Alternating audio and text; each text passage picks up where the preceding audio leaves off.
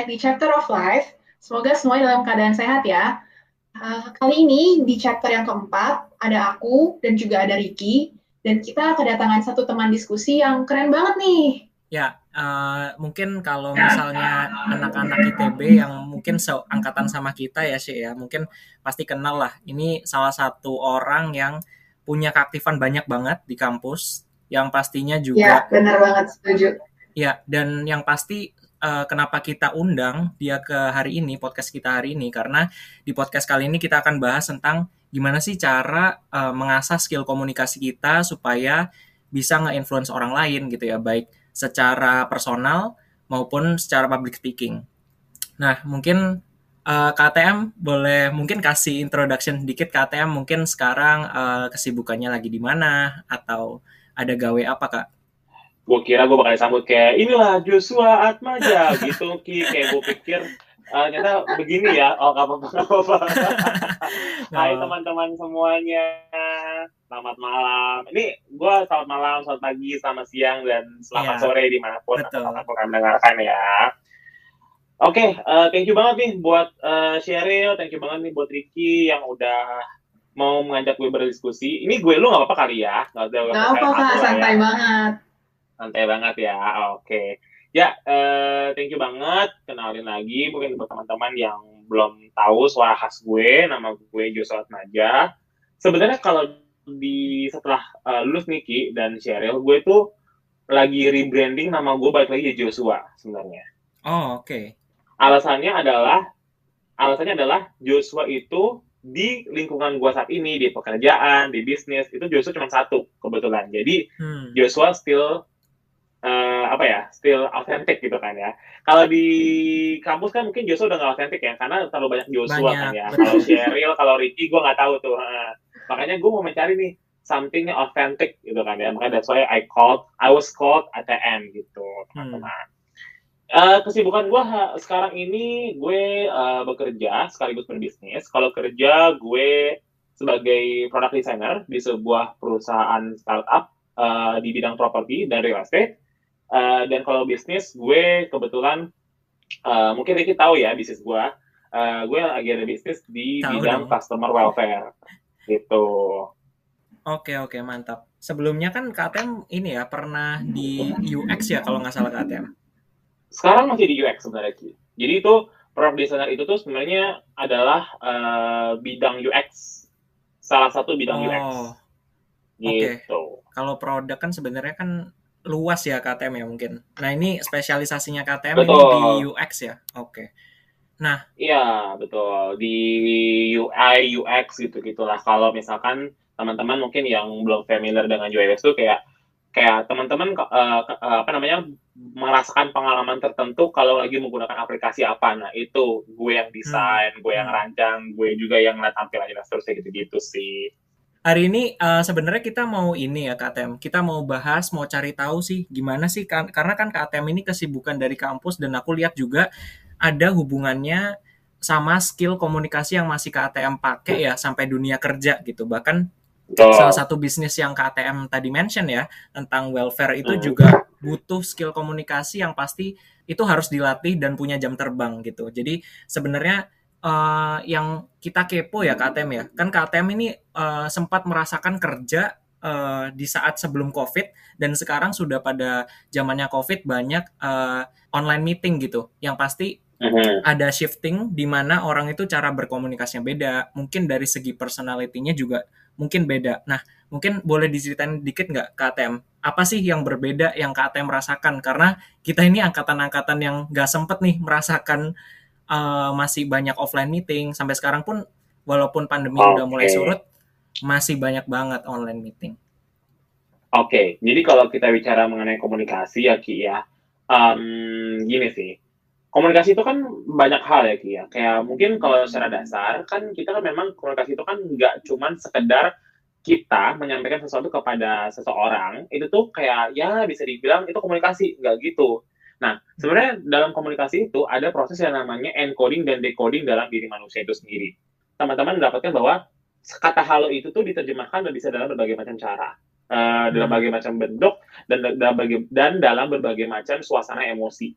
kalau kita bilang halo sama kita bilang halo atau uh, gitu doang itu kan hmm. sebenarnya tujuannya adalah mau menyapa tapi emosi yang tertanam kan beda-beda yes. jadi kayak Uh, jadi itu komunikasi itu nggak se nggak sesimpel lu cuman chat eh apa namanya halo sama p gitu kan ya nggak gitu doang teman-teman tapi tuh hmm. bener-bener kayak lu tuh harus melihat bahwa komunikasi itu juga sangat-sangat kompleks karena apa encoding dan proses decoding dalam manusia itu masing-masing beda-beda. Kayak gitu sih, Ki.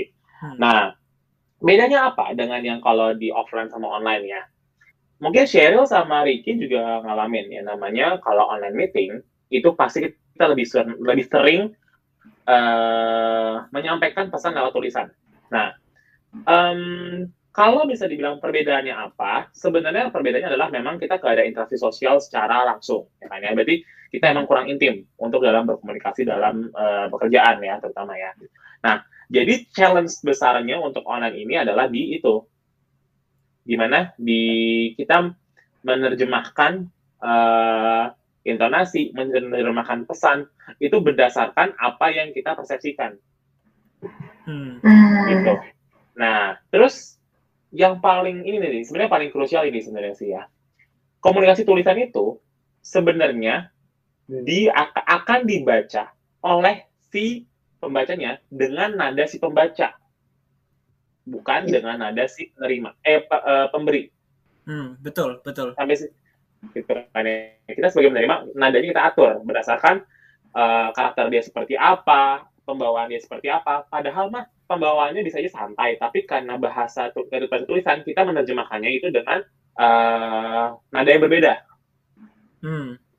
Iya, setuju banget. Ya kan ya. Misalkan kita tahu Ricky ini katakanlah adalah orang yang di kantor itu adalah orang yang ceria, orang yang periang, orang yang selalu uh, bilang sama tadi di uh, apa namanya meeting-meeting uh, online ya. Hmm. Kayak misalkan selamat pagi semuanya, gimana kabar kalian? Hai gitu katakan ya. Nah, jadi ketika misalkan Ricky menyampaikan pesan online, eh pesan tulisan lewat uh, apa ya, email segala macam, pasti orang-orang itu sudah memastikan bahwa Ricky ini kalau lagi dulu sudah lagi riang gitu loh. Hmm. hmm. Uh, menyambung dikit tentang di tempat kerja, berarti kalau menurut Kak Joshua sendiri, gimana nih caranya kita untuk bisa membangun uh, first impression yang baik di tempat kerja ketika semuanya lagi online-online kayak gini? Hmm. Karena kita nggak okay. nggak punya kesempatan ya uh, Kak ATM buat uh, at least ketemu sama orangnya secara langsung. Jadi kalau kenalan sama orang baru kita juga bingung nih persepsinya di otak kita kan belum ada nih terhadap misalnya yeah. aku pertama kali ketemu KTM hmm. Aku nggak tahu KTM orangnya gimana. Tapi setelah first impression setelah ada obrolan at least satu menit lima menit aku udah dapat gambaran nih oh KTM orangnya riang dia jago ngomong dia uh, suka uh, mendengarkan orang lain juga. Misalnya kayak gitu KTM gimana sih? Ada nggak sih kesulitan dalam membangun first impression apalagi pas zaman zaman online gini? Waduh, itu pertanyaan yang bagus. Cuman kayaknya bagiku juga, aku nggak secara sadar ini sih Ki membangun first impression ya. Jadi kayak sebenarnya gini teman-teman, first impression itu kalau dibangun secara sadar, maksudnya kita memaksakan diri kita untuk mempunyai first impression yang bagus, ujung-ujungnya kita yang capek. Membangun impresi itu, itu bisa backfire. Itu dua, dua mata pisau yang berbeda, Ki dan Cheryl. Hmm. Kalau kita secara sadar membangun tersebut, nanti lama-lama kita over, lama-lama kita jadi terkesan terkesan jadi cara cari muka benar nggak? Iya. Yeah. Nah, tapi kalau misalkan kita tidak tidak secara sadar atau kita tidak ada berusaha sama sekali untuk membangun first impression yang bagus, impresi kita juga akan juga, juga akan jelek, benar nggak? Hmm. Hmm. hmm. Nah, jadi uh, gimana caranya adalah pertama-tama, yaudah pertama-tama be yourself, tapi jangan lupa untuk be the better self of you gitu loh sebenarnya. Hmm agak sulit sih kalau aku bisa bilang uh, gimana kak cara untuk first impression yang bagus sebenarnya itu balik lagi ke, kepada personality kalian gitu loh kalian mau dikenal sebagai apa that mean you want to brand yourself as that gitu sebenarnya nah ketika teman-teman mau misalkan mau dibangun seperti itu teman-teman harus genuine hmm. Nah, tadi kan kakak uh, sempat uh, ngebahas nih tentang kalau kita tuh harus genuine terhadap lawan bicara kita ya dalam apa pun yang kita usahakan untuk mungkin membangun si first impression ini. Nah, uh, ya mungkin karena pandemi juga atau mungkin ya memang dari sananya begitu, tapi uh, salah satu kesulitan yang sering dialami itu karena dalam berkomunikasi orang tuh cenderung self-centered dalam berdiskusi.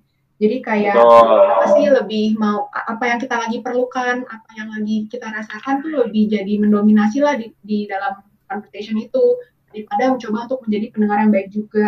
Nah, uh, gimana sih kak uh, supaya caranya itu kita tetap cara mengasah komunikasi kita agar tetap genuine uh, saat kita mau mengutarakan maksud dari uh, yang kita mau bicarain itu ke orang lain, jadi supaya nggak terkesan transaksional banget gitu.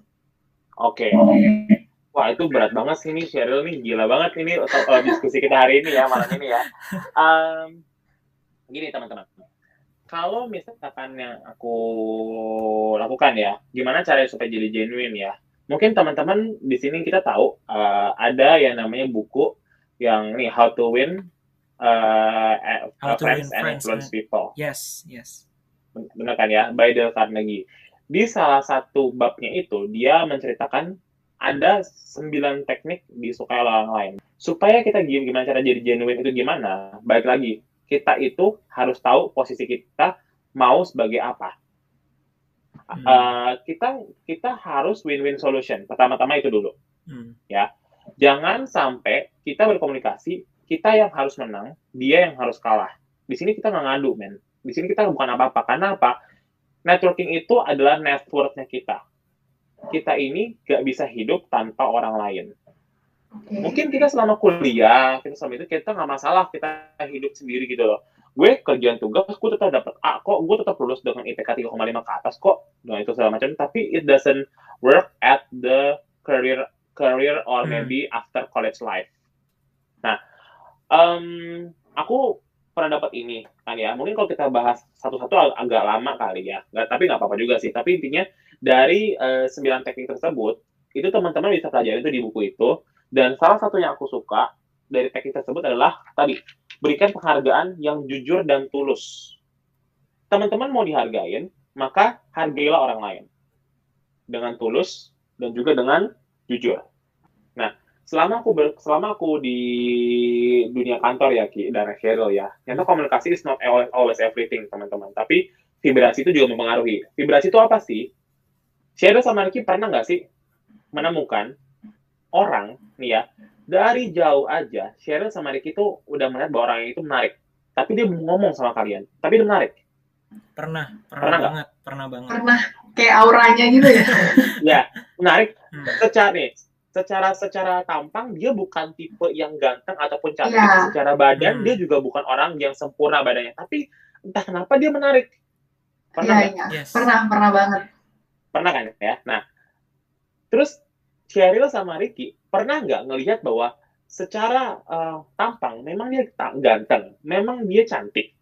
Terus secara badan dia juga seksi, dia juga berbentuk badannya. Mungkin udah yang kayak proporsional kalau laki-laki dia nge-gym, kalau cewek dia benar-benar yang six banget. Tapi entah kenapa kalian ilfil ng ngeliat dia. pernah pernah banget bahkan belum pernah sih kayaknya. belum pernah ngobrol ya bahkan dari jauh udah kelihatan ada nah, kayaknya dia orangnya kurang nah, open kalau kita ajak diskusi misalnya. Iya kan? Itu butuh komunikasi loh hmm. teman-teman. Ya enggak hmm. itu orang belum ngomong itu orang belum ketemu kalian itu orang dari jauh kalian lihat kalian udah merasa bahwa itu dia orang menarik. Tapi ada juga orang yang secara tampang dia udah udah bagus segala macam proporsional. Tapi ternyata dia nggak nggak baik apa kayak ada feel yang kayak aduh kayaknya gue nggak nggak pas deh sama dia kenapa teman-teman kalau menurut Albert Albert Meh, uh, Mehrabian nah kalau nggak salah namanya Mehrabian atau Mehrabian aku lupa lupa ingat cara jadi gimana komunikasi itu dibagi menjadi tiga bagian sebenarnya dan yang paling tinggi adalah bagian yang namanya bagian fisiologis atau yang namanya bahasa tubuh 55% itu dipengaruhi sama bahasa tubuh 38% dipengaruhi oleh mutu suara dan juga kata-kata itu mempengaruhi cuma 7% aja. That's why oh. kalau kita meeting di online pasti kita akan merasa bahwa kita akan fokus ke mutu suara. Hmm. Agree. Bukan ke verbalnya. Benar nggak? Agree. Benar. Uh. Agree kan? Nah, akan lebih susah lagi kalau misalnya teman-teman dalam bentuk uh, tulisan uh, email ataupun pesan. Karena apa? Kalian hanya uh, bikin 7% dari bentuk komunikasi itu. Karena apa? Hmm selebihnya itu akan diinterpretasikan oleh tubuh kita sendiri atau oleh oleh, oleh otak kita sendiri berdasarkan pengalaman dan suasana emosi kita juga. Kalau kita lagi nggak mood baca cuma bilang halo Ki apa kabar kesannya kayak ini orang pasti lagi cari lagi butuh nih hmm, ya kan? Hmm, ya. benar ya kan ya. ya. Tapi kalau misalkan Ricky lagi moodnya lagi bagus, moodnya lagi senang kayak habis gaji atau habis promosi ya. Halo Ki, apa kabar? Wih, si ini masih ingat gua. Gitu kan ya. Pasti beda, yes. ya Yes. Nah, jadi tuh yang namanya memberikan uh, something yang genuine itu itu perlu repetisi, perlu latihan, perlu hmm. diulang-ulang terus. Jadi bisa nggak share hari ini uh, tiba-tiba jadi orang genuine? Bisa banget. Tapi kalau misalkan cuma sehari doang, kelihatan banget Cheryl ada maunya, ya nggak? Iya, betul. Hmm. Nah, cara mengekspresi impression yang baik pun juga nggak bisa serta-merta effort dari kita. Kamu percuma bangun first impression yang baik, tapi kalau orang lain menjudge kamu tuh jelek.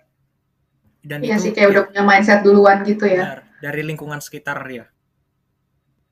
Kak, tapi uh, kalau KTM sendiri pernah nggak sih Kak kayak terjebak, bukan terjebak ya, mungkin kayak udah udah kenal nih, mungkin kenal sebulan gitu. Jadi KTM udah paham dia personalitinya seperti apa. Gimana kalau uh, orang tersebut, jadi misalnya dia pengennya ya udahlah aku ngechat ATM atau bales AT message-nya ATM kalau aku merasa itu perlu dan beneficial buat aku. Nah, itu kan agak nyebelin ya sebenarnya dari sisi hmm, kita benar, penerimanya. Kayak kita mau udah mau mengajak kerjasama dan bangun komunikasi yang baik, tapi dianya kayak ya gitulah gitu. Nah itu gimana sih kak menanggapi orang-orang seperti itu? Oke, okay. um, dan dunia kerja itu sering banget loh Ki dan share terjadi. Ada orang yang memang hmm. kalau mau chat ketika perlunya aja. Berarti dia orangnya self centered kan. Yes. Nah, gini aja. Gini aja keep it professional teman-teman. Karena apa? Nanti yang menang justru adalah orang yang yang yang, yang menang dalam tanda kutip ya. Yang menang adalah orang yang benar-benar bisa menjaga uh, apa ya? Menjaga pola pikir bahwa meskipun dia seperti itu, dia tetap dia tetap akan membutuhkan gua dan gua akan tetap membutuhkan dia.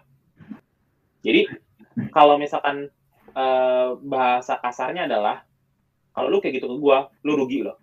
Hmm itu bahasa itu supaya kita tuh uh, apa ya our vibration tuh kita nggak nggak jatuh nggak nggak nggak nggak marah. Vibration kita tuh lebih kayak kita tuh lebih kayak oke okay, lu kalau mau kayak gitu ya udah nggak apa-apa. Lu yang rugi gitu loh. Jadi kita tuh berlimpah. Ya kan ya? Ba gue balikin aja gitu kan ya. Gue udah chat lu panjang lebar. Gue udah segala macam gitu segala macam. Oke dan lu basis kayak gini yaudah gue akan mempersepsikan sesuai dengan apa yang ini kan ya. Kalau gue banyak nanya ke lu lu lu nggak boleh komplain juga kalau dari Shadow sama Ricky emang pernah eh, mengalami seperti itu? Aku pernah sih kak. Dan apa ya? Pada akhirnya uh, jadi nangkepnya ya mungkin emang secara natural tuh kita jadi uh, memang kayak diarahkan gitu kayak mana yang benar-benar cocok sama kita dan mana yang emang hmm. mungkin entah cara ya. berkomunikasinya atau persahabatannya memang kayak ya kurang gitu loh tapi hmm. dari perjalanan waktu jadi kayak ya kayak secara natural aja jadi kayak ya seleksi, seleksi alam. alam gitu. Ya. Hmm, iya ya. Tapi lama-lama, lama-lama juga kalian merasakan bahwa kalau kalau kita ngobrol sama beliau atau ngobrol sama ngobrol sama orang tersebut, pasti ujung-ujungnya kayak secara secara fisik kenapa kok kita energi kita energi kita terkuras banget ya teman-teman. Ya, pasti benar. karena memang pasti memang karena tadi uh, bisa dibilang vibrasi yang nggak cocok. Hmm. Kalau Kak Atayang sendiri gimana nih Kak uh, di tengah mungkin di tengah pandemi ini yang benar-benar hmm. semuanya online online gini pernah nggak sih ngerasa burnout untuk saling bertanya kabar sama teman misalnya uh, ngerasa dengan ya muak lah dengan online online semua gitu? Siapa sih yang enggak? Menurutku burnout itu adalah sebuah hal yang pasti terjadi oleh semua orang sebenarnya gitu loh. Kayak apa ya? Pertama-tama kalau bagi aku ya, take a pause is a must. Karena uh, ada momen di mana kita secara uh, mental itu kita tuh butuh kita tuh butuh ini, butuh istirahat istilahnya gitulah. Hmm. That's why makan siang itu adalah benar-benar kalau kalau kalau kalian makan siang gunakan untuk makan siang beneran. Hmm. Gitu. Nah, jadi supaya gimana cara supaya kita nggak burn out ya teknik orang macam-macam. Jujur, aku nggak bisa say bahwa this is the good one, this is not the, this is this is the best one enggak ya. Ada yang orang yang mengatasi burnout itu dengan cara pertama sama meeting dan dengan aromaterapi. ada yang selama kerja yang nggak meeting dia setel lagu musik uh, klasik hmm. ada yang ada yang dia itu memang kalau burnout dia itu jalan jalan-jalan dulu ke mana gitu kan ya atau ada yang dia lari lari ke kamar mandi dia cuman duduk di toilet emang nggak tujuannya bukan untuk buang air besar emang hanya duduk aja gitu loh hmm. Hmm. nah itu kenapa itu sebenarnya adalah cara kita untuk menurunkan fokus kita menurunkan konsentrasi kita supaya itu jadi nggak burn out gitu loh teman-teman hmm. nah supaya kita nggak burn out sebenarnya itu uh, apa ya baik lagi kita tuh harus kita harus kasih gap atau kita harus kasih apa ya kasih istilahnya kasih uh, batasan kepada diri kita bahwa oke okay, gue tahu ini pasti bakal menjadi hari yang sangat panjang. Maka dari itu kasih uh, kasih uh, waktu buat kalian. Sekiranya di di sela-sela itu tuh untuk benar-benar kalian bisa bernafas kalian tuh mau ngapain kalian kalian uh, lakuin hal yang kalian suka dalam waktu lima menit. Misalkan kalian tiba-tiba minum susu coklat kek atau hmm. kalian ngapain kek kalian scroll Instagram kek menurutku itu adalah hal yang wajar tapi jangan sampai itu mendistraksi hmm. itu kan ya, ya. nah apalagi dalam bentuk komunikasi. Iya, ya, betul betul. Dan biasanya sih kalau misalnya emang harus ada satu hari di mana emang intens banget. Kalau aku sih biasanya ya kak, yang biasanya kayak coba pilah-pilah di meeting mana yang emang gue harus fokus, mana yang mungkin gue bisa delegasiin atau misalnya oh gue dengerin doang nggak apa-apa, tapi gue tetap catat poin-poin pentingnya di belakang gitu. Jadi atau karena, ya atau hmm. pilih mana yang setidaknya kamu nggak apa-apa kalau nggak datang. Oh, agree, agree. Hmm. Kayak kalau bagiku, aku tuh ngeliatnya gini, apakah apakah aku accountable di sana? Apakah aku responsible hmm. di sana? Hmm. Kalau aku nggak accountable, nggak responsible, atau aku cuma sekedar inform, aku bisa kok tanya ke tim aku yang yang yang aku yang mungkin delegated. Ya. Hmm. Gitu. Jadi hmm. komunikasi itu tuh komunikasi itu benar-benar kompleks itu loh teman-teman. Jadi ternyata pas aku belajar itu tuh nggak cuma sekedar uh, komunikator pesan lewat media diterima oleh komunikan lalu ada feedback. Itu hanya teori teman-teman. Tapi tapi di balik itu semua itu perlu banget yang namanya ketelatenan, yes. pengulangan, dari kita dari kita sendiri juga perlu ada yang namanya effort untuk misalkan kayak membentuk citra diri seperti apa dan seterusnya gitu gitu. Hmm. Oke, okay. mungkin uh, kita keren banget ya bahasan hari ini benar-benar kasih insight sih kalau buat aku pribadi. Nah, ya aku juga setuju banget. Ya, mungkin kita sudahi untuk part satunya. Nanti yang di part 2 kita sebenarnya akan bahas tentang gimana sih uh, eh, KTM ini punya experience untuk membangun skill public speakingnya. Terutama aku sebenarnya lebih kepo tentang gimana sih KTM bisa juggling uh, punya personal branding yang aku tahu sangat kuat. Dari zaman di kampus atau sampai sekarang kerja pun di berbagai platform itu KTM pokoknya punya strategi lah. Aku percaya punya strategi untuk personal branding So, mungkin kita close dulu untuk part satunya. Thank you buat teman-teman yang udah sejauh ini dengerin kita tentang bahas tentang komunikasi. Dan stay tune ya untuk part 2, karena bahasanya pasti nggak kalah menarik. See you guys.